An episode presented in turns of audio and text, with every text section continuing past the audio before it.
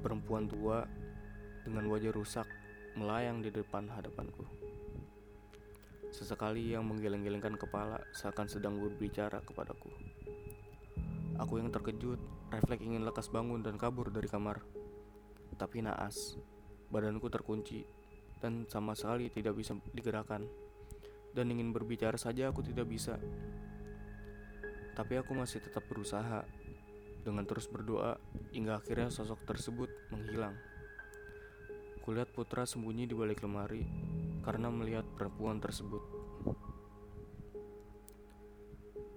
Itu salah satu orang jahatnya, A. Ujar si putra kepadaku. Keesokan harinya, aku mengeluh karena aku merasa badanku sakit semua. Mungkin karena dampak putra yang kerap datang mengikutiku. Ibu kemudian menyarankanku malam nanti pada maghrib datang ke rumah Mbak Nur yang ternyata suaminya namanya Mas Dayat pandai dalam hal mengurut. Rumahnya satu kampung dengan putra. Malamnya aku ke sana dengan bapak sekalian bapak ke rumah putra yang hendak tahlilan di sana. Jelas sekali, putra yang masih mengikutiku mengatakan, "Ah, Empu takut sama orang jahatnya." Bud pengen ke kecapi ketemu sama ayah sama mama. Katanya kamu masih belum berani ketemu orang tuamu. Jawabku. Bud udah gak mau dan takut ketemu sama orang jahatnya, A. Jawab putra lagi. Aku yang mengetahui ketakutannya sedikit menghibur. Aku yang mengetahui ketakutannya pun sedikit menghibur dan mengantarnya bertemu mama dan ayahnya malam nanti. Malamnya, pada maghrib, aku dengan bapak berangkat ke kampung Kecapi dan tentu putra ikut denganku. Sesampainya di Kecapi, tepatnya di kediaman Mbak Nur, ternyata Mas Daya tidak di rumah. Ia pergi tahlilan di rumah putra. Sehingga aku kudu menunggu Mas Dayat hingga pulang untuk memintanya mengurut badanku. Rumahnya Mbak Nur ini tepat bersebelahan dengan rumah putra. Tapi tahlilannya dilakukan di rumah nenek putra yang tak jauh juga dari sini. Di rumah Mbak Nur, Mbak Nur menyarankanku untuk bertemu dengan tetangganya yang bernama Indo. Aku memanggilnya Bang Indo. Menurut penjelasan Mbak Nur, sehingga ia banyak mengalami soal hal-hal gaib. Dari sini Mbak Nur keluar rumah dengan maksud memanggilkan Bang Indo untuk menemuiku. Singkat cerita, Bang Indo sudah di rumah Mbak Nur. Aku langsung menceritakan kronologi sejak awal bagaimana Putra datang kepadaku. Putra ini katanya takut sama orang jahat, ujar bapak menambahi ucapanku. Bang Indo tampak memejamkan mata dan komat kamit. Entah apa yang dilakukannya. Tak lama Bang Indo membuka matanya lagi. Ternyata ia sedang menerawang mengenai masalah ini. Saya merasakan ada sesuatu yang tidak wajar. Ada sosok atau makhluk yang memiliki aura jahat yang menyebabkan putra dan dua temannya meninggal. Ucap Bang Indo singkat. Sosok jahat ini hanya mengincar anak pertama saja. Kenapa saya bilang hanya anak pertama saja? Sedangkan Novan bukan merupakan anak pertama.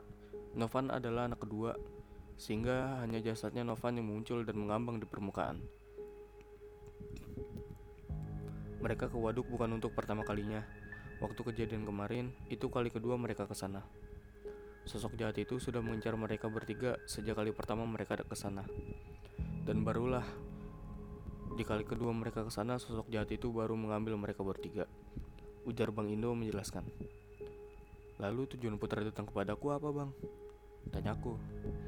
Dia ingin minta tolong dek. Jawabnya. Sejak sore tadi, Putra ingin sekali bertemu dengan orang tuanya.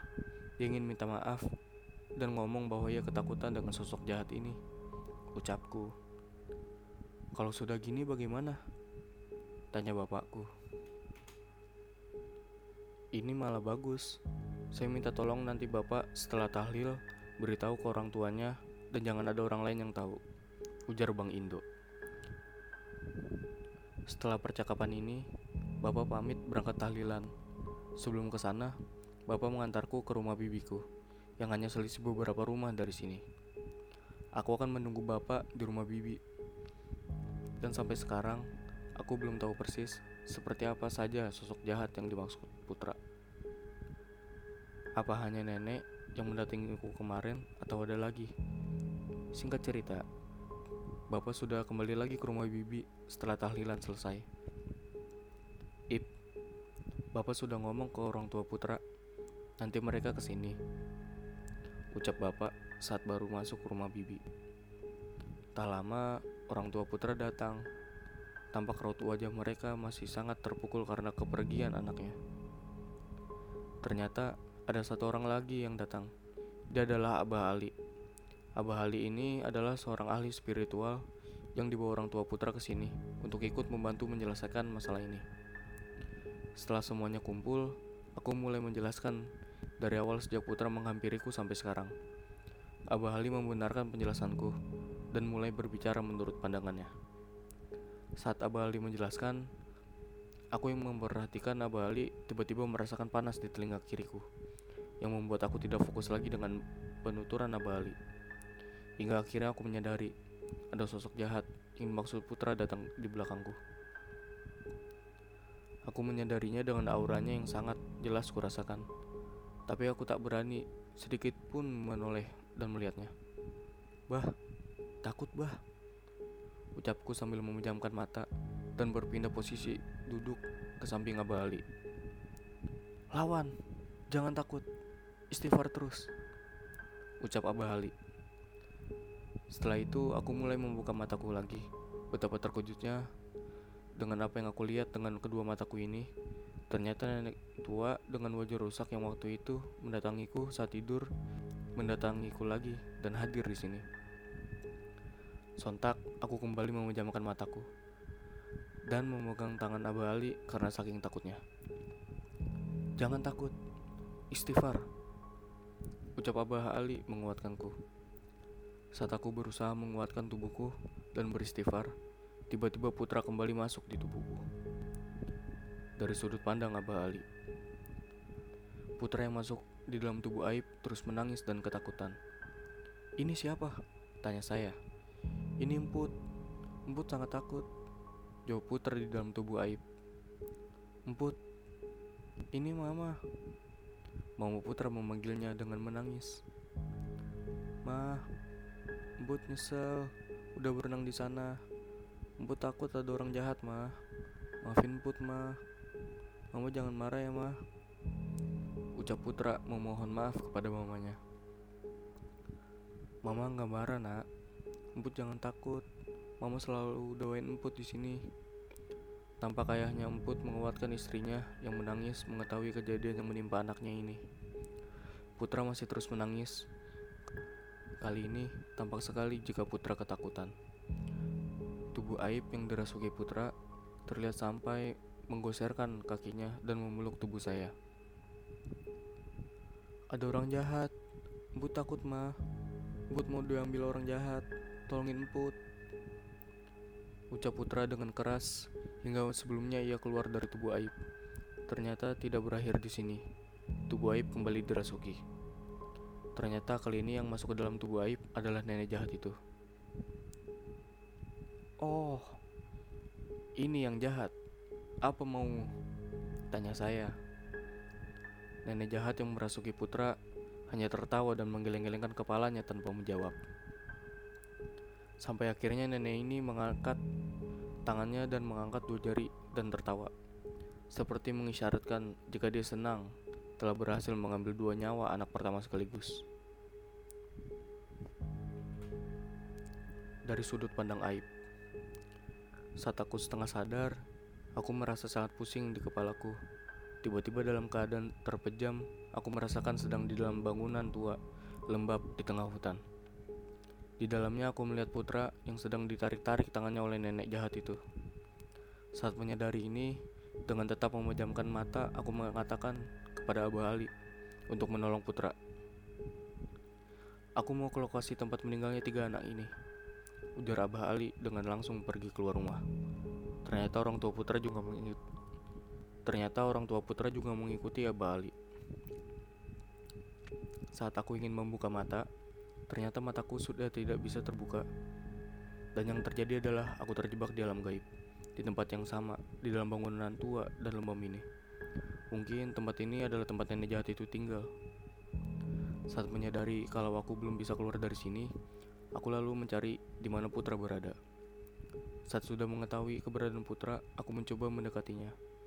Tampak sekali, ia sedang berpegang di suatu tiang di sana dengan satu tangan. Sementara tangan yang satunya lagi sedang ditarik oleh nenek jahat itu. Aku bingung harus melakukan apa. Aku hanya bisa melafalkan doa yang aku bisa. Namun bukannya pergi, nenek jahat itu justru mentertawakanku dan mengatakan, "Jangan ikut campur." Perang batin antara aku dengan nenek itu pun terjadi. Di sisi lain, aku masih juga bisa berkomunikasi dengan bapak dan bibi. Pak, Bi, Aib lemas, tolong. Ucapku pelan karena aku merasa lemas dan kelelahan. Setelah aku mengatakan demikian, Bapak keluar rumah memanggil Bang Indo lagi untuk datang membantuku ke sini. Saat Bang Indo datang, aku bisa merasakan keberadaan Bang Indo. Saat Bang Indo datang, ia mulai membantu dan membisikiku. Jangan takut dengan yang ada di sana. Lawan dengan doa dan dengan hati yang yakin, jangan ragu-ragu. Dengan yakin, aku mendekati putra yang masih ditarik-tarik oleh nenek jahat itu. Aku melafalkan doa yang ku bisa dan lagi-lagi nenek itu hanya menertawakanku. Tapi aku tidak habis akal. Aku mulai mengumandangkan azan agar nenek jahat itu melemah. Dan ternyata benar. Nenek jahat itu terlihat kesakitan hingga akhirnya melepaskan tangannya yang menarik-narik tangan putra. Akhirnya aku bisa menyelamatkan putra teman baikku ini. Saat aku berhasil menyelamatkannya, yang aku lihat adalah putra ini seperti pingsan dan tertidur di suatu tempat yang sulit aku jelaskan. Putra udah tidur, Ip. Putra udah aman. Sekarang kamu kembali. Terdengar bisik Bang Indo. Saat aku berusaha keluar dari sana, ternyata nenek jahat itu mengejar dan menahanku. Dari sini aku tersadar jika nenek ini adalah seorang ratu di bangsanya ini. Karena di sini aku melihat ribuan pasukan berwarna hitam dan sangat sulit dijelaskan bentuknya. Jelas sekali, nenek jahat ini tampak dendam kepadaku karena berusaha mencampuri urusannya. Tampak di antara ribuan pasukannya itu memanggul keranda dan mengisyaratkan aku harus mati di sini. Aku yang merasa tak akan sanggup menghadapi ribuan demit ini pun berlari sambil berusaha kembali ke ragaku di rumah bibi. Saat aku berlari, aku dikagetkan dengan sebuah tempat yang di dalamnya berisi anak kecil yang sedang duduk memelas. Mungkin mereka juga merupakan korban dari nenek jahat tadi. Tapi di sini aku pastikan tidak ada Iman dan Novan di sana. Tanpa sadar, langkahku kembali ke tempat awal, tempat di mana ribuan pasukan nenek itu berada. Ip, tenangkan dirimu. Abang yakin kamu bisa. Kamu terus berdoa sebisamu dan beristighfar yang keras di hadapan mereka. Bisikan Bang Indo yang terdengar di telingaku. Dengan yakin dan suara keras, aku kembali melapangkan doa dan melantunkan azan, seperti saat aku melemahkan nenek tadi. Dan benar saja, saran dari Bang Indo berhasil. Mereka melemah dan terlihat tersiksa saat aku melantunkan azan yang sangat keras di sana. Melihat mereka kesakitan, ini adalah kesempatanku untuk pergi dari sini. Dengan cepat dan bergegas, aku berlari kabur dari tempat ini. Tapi aku bingung, ke mana aku harus berlari? Semua terlihat gelap dan tak terlihat. Hingga akhirnya aku melihat ada cahaya di antara kegelapan. Dengan cepat aku ke sana. Ternyata ini adalah upaya Bang Indo membantuku keluar untuk keluar dari sini. Akhirnya aku membuka mata dan kembali ke ragaku lagi dan aku melihat jam ternyata hampir jam 12 malam. Ternyata cukup lama aku dalam keadaan tadi. Setelah kesadaranku, aku sholat isya dan pulang ke rumah. Bapak mengajak Bang Indo ikut menginap di rumahku. Karena khawatir ada apa-apa terjadi lagi setelah ini. Malamnya saat aku tidur, aku masih sangat merasakan aura keberadaan nenek jahat itu. Tidurku tak nyenyak. Singkat cerita, besok paginya saat hendak sarapan, tiba-tiba aku pingsan dan saat sadar aku sudah berada di rumah sakit dengan tanganku yang diinfus. Aku dirawat karena kejadian semalam. Mungkin tenagaku terkuras habis.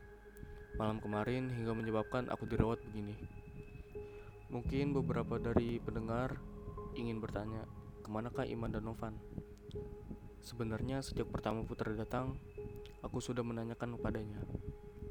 Di mana Iman sama Novan? Kenapa Putra gak sama mereka berdua saja? Putra hanya mengatakan jika Putra mau dekat sama Iman dan Novan saja tidak bisa. Perlahan gangguan dari nenek jahat itu hilang. Dan sesekali Putra mendatangiku hingga sekarang, entah dalam mimpi atau keseharianku.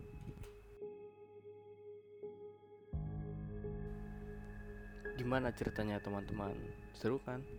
Seru dong pastinya. Sebelum itu, mari sejenak kita semua kirimkan Al-Fatihah untuk almarhum putra Iman dan Novan agar mereka tenang di sana.